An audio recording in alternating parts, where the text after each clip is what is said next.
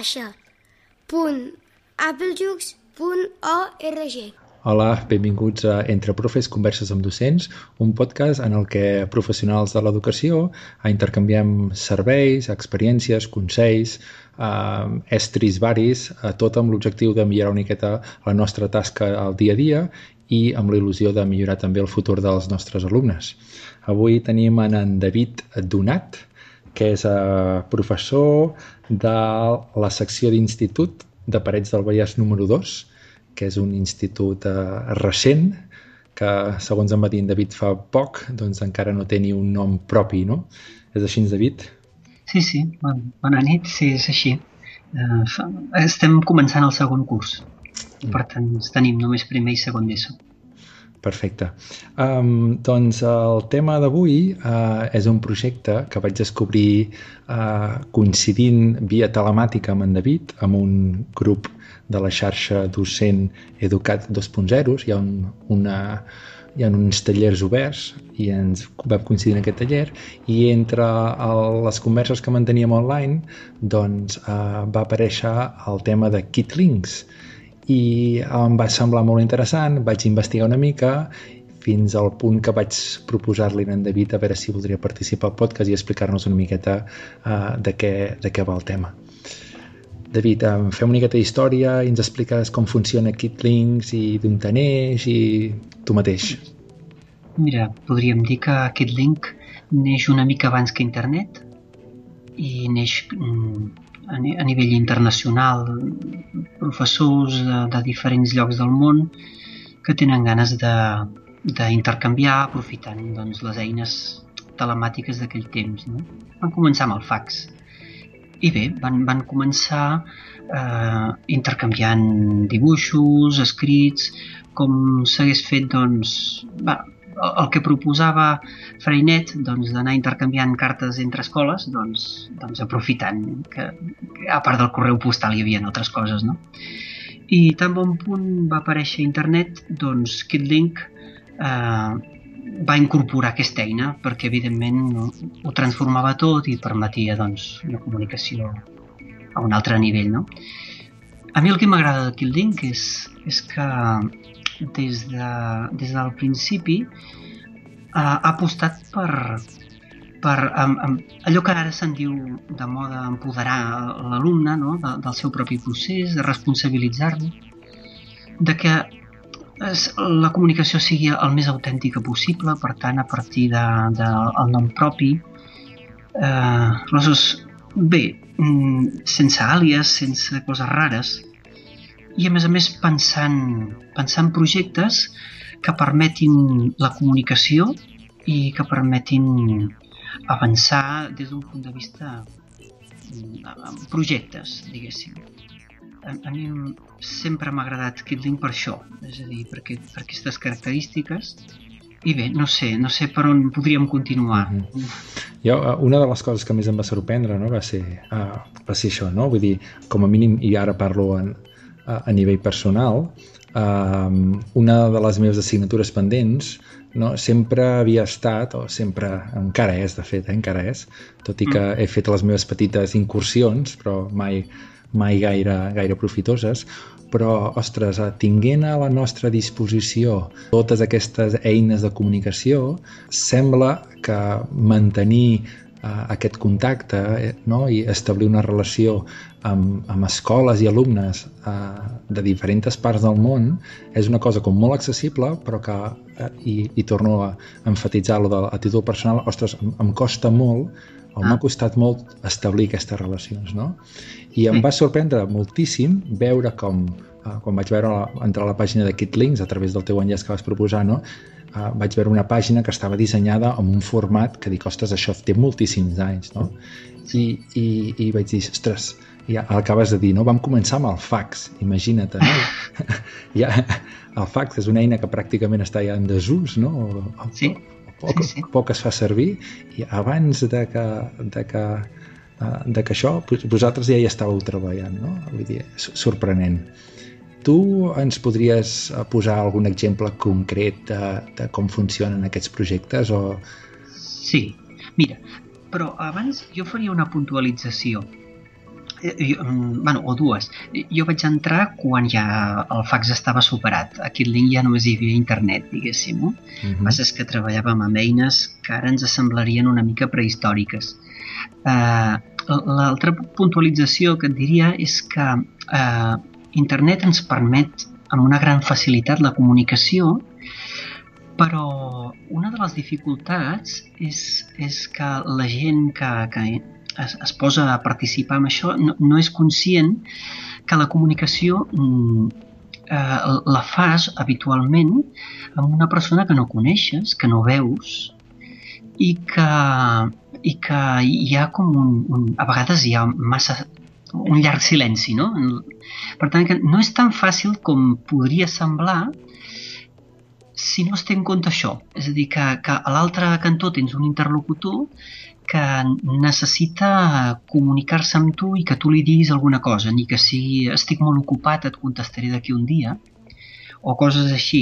Poden semblar tonteries, però és, és potser la base de tot treball col·laboratiu a través d'internet. La, comunicació constant i, i, i acurada amb, amb, amb els teus companys. Eh?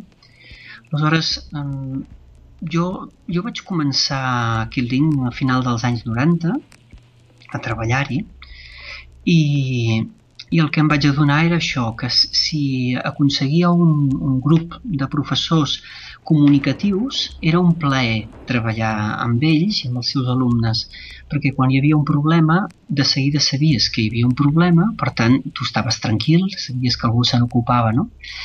i quan em trobava amb algun professor poc comunicatiu em posava a patir. mm, projectes que jo he fet a través de Kitlink n'hi ha varis.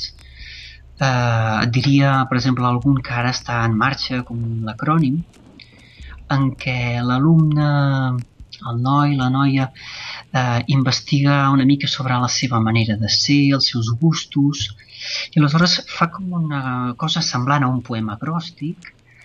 Eh, a partir de les lletres del, del seu nom busca adjectius que el, que el, que el defineixin, no? I acostuma a ser una cosa interessant perquè eh, l'obliga obliga una mica a, a reflexionar, a, a, a posar paraules amb, amb, amb el qui ets, i després ho intercanvies amb gent que poden ser mm, de la mateixa llengua que tu o d'altres idiomes i, i això també dona un, un punt de motivació per l'alumne. Aquest, aquest seria un dels projectes, per exemple, que són senzills de fer que tenen resultat evident. Al final queda aquesta mena de, de composició mig gràfica, mig, mig lingüística i, i l'alumne en surt satisfet i, bueno, si vols, tant, tant us en comento més, no? Però vull dir que per mhm. començar aquest seria un, no? Mm -hmm. I, I quin és el procediment, per exemple, com comença? Jo vaig a la web de, de Kitlinks, no? O vaig a... He vist que, bueno, hi ha grups uh, al Facebook, fins i tot hi ha un grup que és en català, sí. uh, que hi ha diverses llengües, que veig que hi ha... He vist fotografies d'escoles de, de del Nepal, de, dels Estats Units, de... Bueno, de... Itàlia de Suècia, sí, de Rússia, de la Xina... sí, sí. Tu, eh, a veure, tu pots entrar en contacte amb KidLink actualment no només des de la seva pàgina web, que seria kidlink.org, eh, eh, concretament si poses una barra i escrius Drupal, aquest llenguatge, diguéssim, uh mhm. -huh. escrius Drupal, aleshores t'apareix una, un, una mena d'índex de projectes que estan en marxa, diguéssim, no? Dintre del, del portal de cada projecte ja et diu com, com començar i, i sol ser entrar en contacte amb el coordinador de cada projecte. Jo en aquest cas, per exemple, coordino el de l'acròstic, en començarem un al mes de novembre que es diu Poema en forma de, de diamant, que també podem comentar així una mica per sobre, que també sol deixar satisfet l'alumne i el professor. Eh, està a punt de començar un que és en anglès sobre matemàtiques, molt, molt, molt interessant. Es diu uh, Stats for Cool Math Cats. i bueno, eh, van, van començant i, i van plegant, és dir, són, són projectes que poden ser més llargs o més curts. Eh?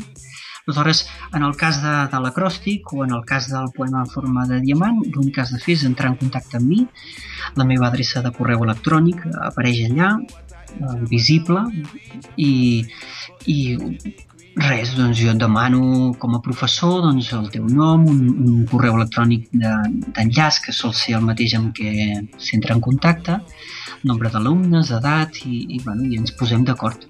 Mhm. -huh. Hi ha projectes que estan oberts permanentment, hi ha projectes que tenen unes dates d'inici i de finalització i en el cas de, de l'acròstic o del poema en forma de diamant mm, es, podem considerar que estan oberts permanentment Uh -huh.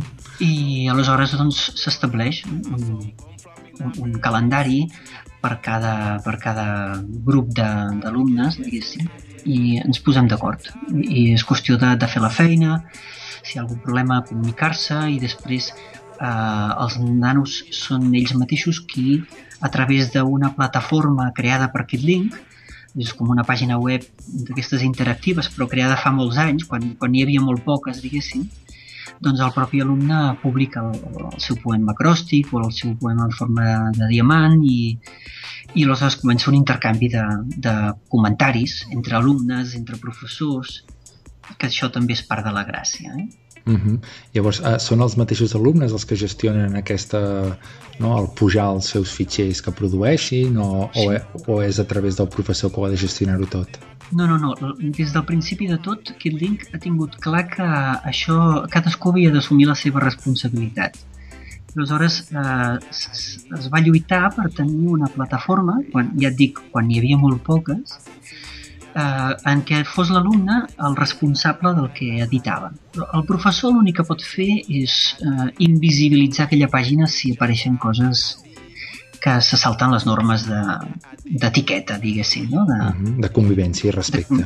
del que, com n'hi vulguis dir, no? Uh -huh. Però jo no puc tocar res del que té l'alumne. Jo, a veure, jo, mm, jo no, hi ha dues persones a l'associació que sí que tenen aquesta capacitat però que no, no s'exerceix. És a dir, que abans el que decidim és, és invisibilitzar una pàgina que considerem inapropiada i ja està. I, i bueno, és, és, un, és una cosa a veure, bastant intuïtiva, potser et diria eh, cal, cal agafar una mica de pràctica per penjar les imatges, però, però no, vull dir, no, no té cap misteri i, i ja està. L'alumne, eh, un cop s'ha registrat aquí el link, té, té aquesta possibilitat. Mm, eh, fa, fa l'entrada a la pàgina de Link amb el seu nom d'usuari i contrasenya i automàticament té la possibilitat d'inserir una pàgina. Aleshores, jo com a professor, per exemple, eh, he de crear un portal, que serà el projecte, el portal del projecte del meu grup. Els meus alumnes han de penjar la seva pàgina del portal que he creat jo com a professor. I, i sóc jo el qui dona el vistiplau a si és visible o és invisible la pàgina de l'alumne.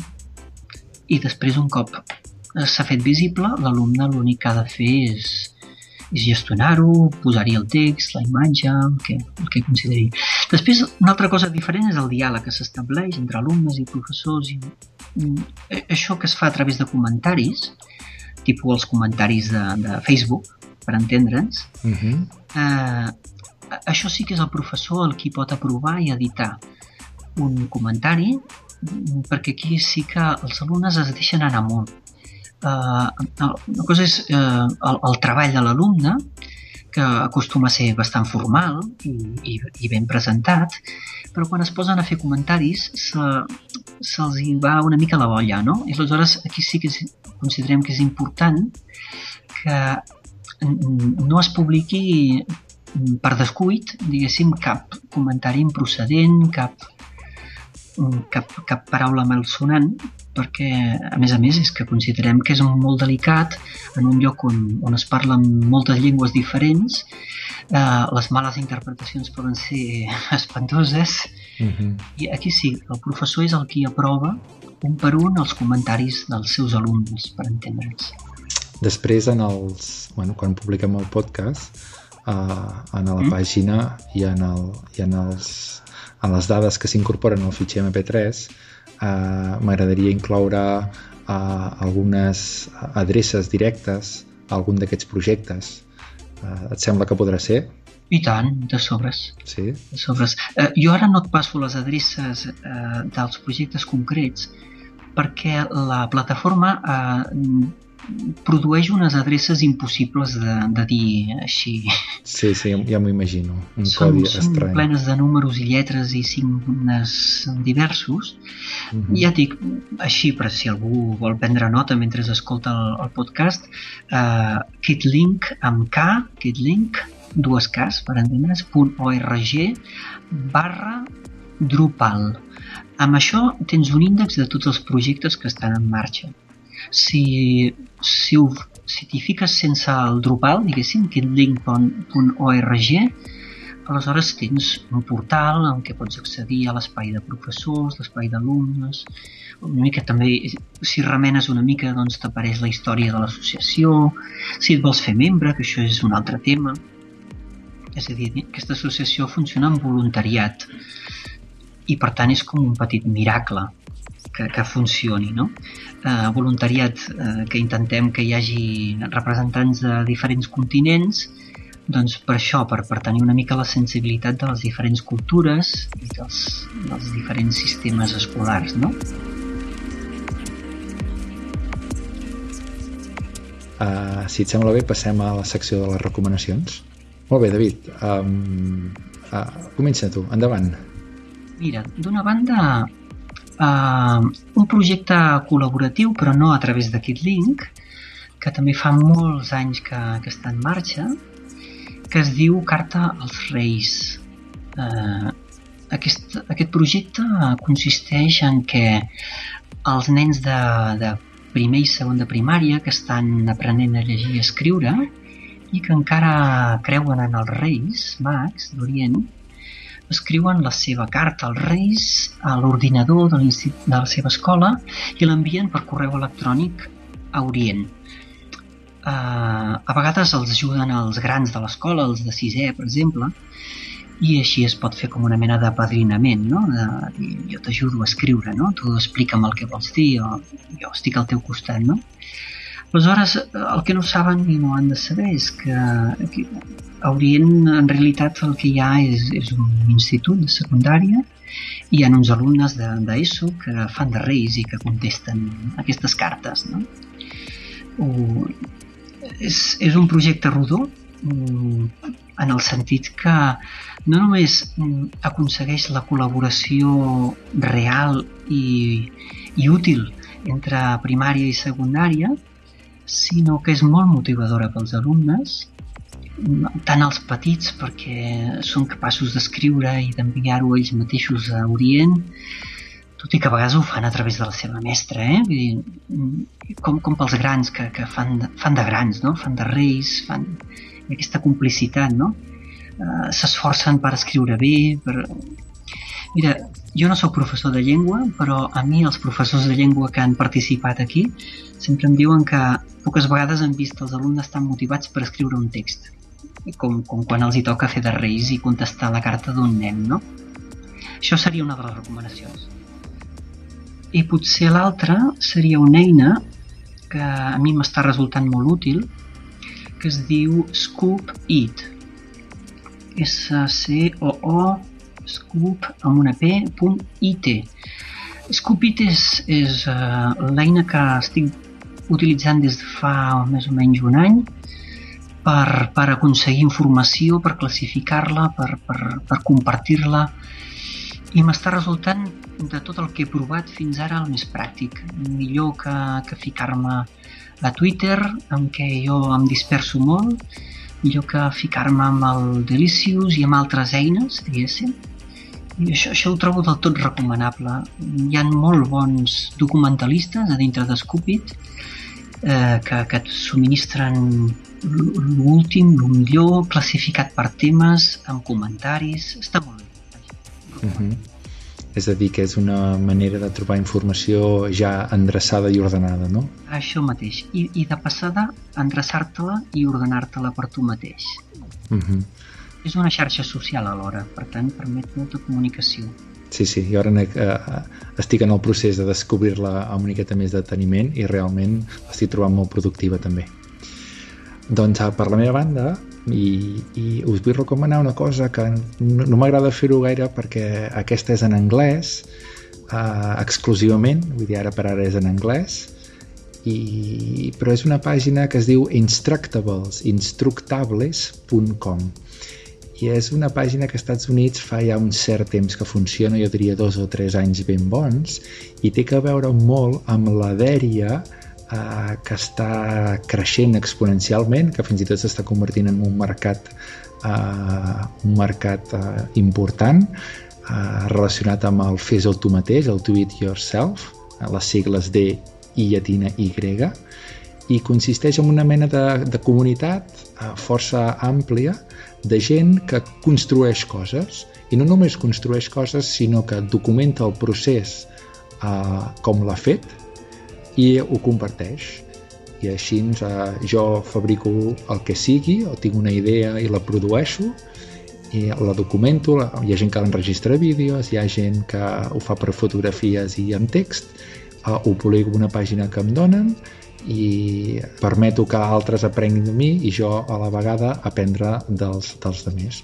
Hi ha projectes dividits en moltíssimes categories, alguns realment estan molt relacionats amb tecnologia i són més, eh, diguem-ne, densos o més complicats, però n'hi ha d'altres que són senzillíssims de fer i materials reciclats, amb temàtiques vàries, a alguns fins i tot a productors que fa temps que hi són, a les seves produccions tenen tant d'èxit que a, els acaben construint, els acaben a, preparant els kits de material que necessites per construir el que sigui, que a vegades que són coses molt geeks, no molt estranyes, o no com una espada de Minecraft, o que és un joc d'aquests eh, eh, que darrerament té molt d'èxit entre, entre la, els nanos més jovenets adolescents, uh, hi ha disfresses vàries o, o com crear-te no sé, un cultiu a casa de maduixeres o no sé, hi ha, hi ha infinitat de coses diferents i realment és una bona font d'inspiració i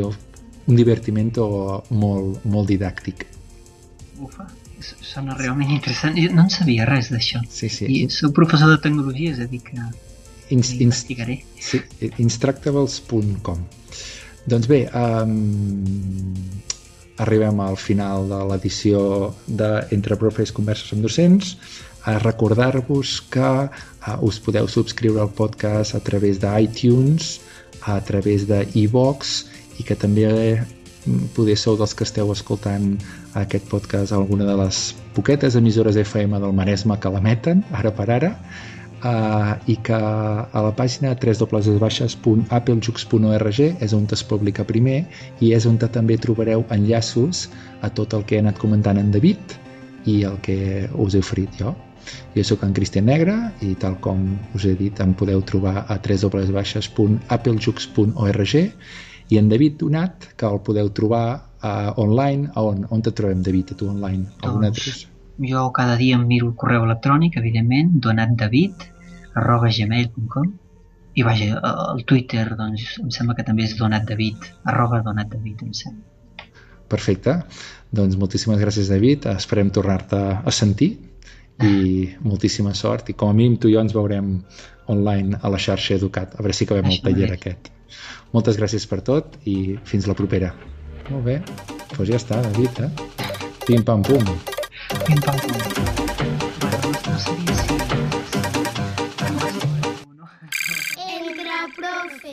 Converses amb docents. 3 W baixa punt applejux.org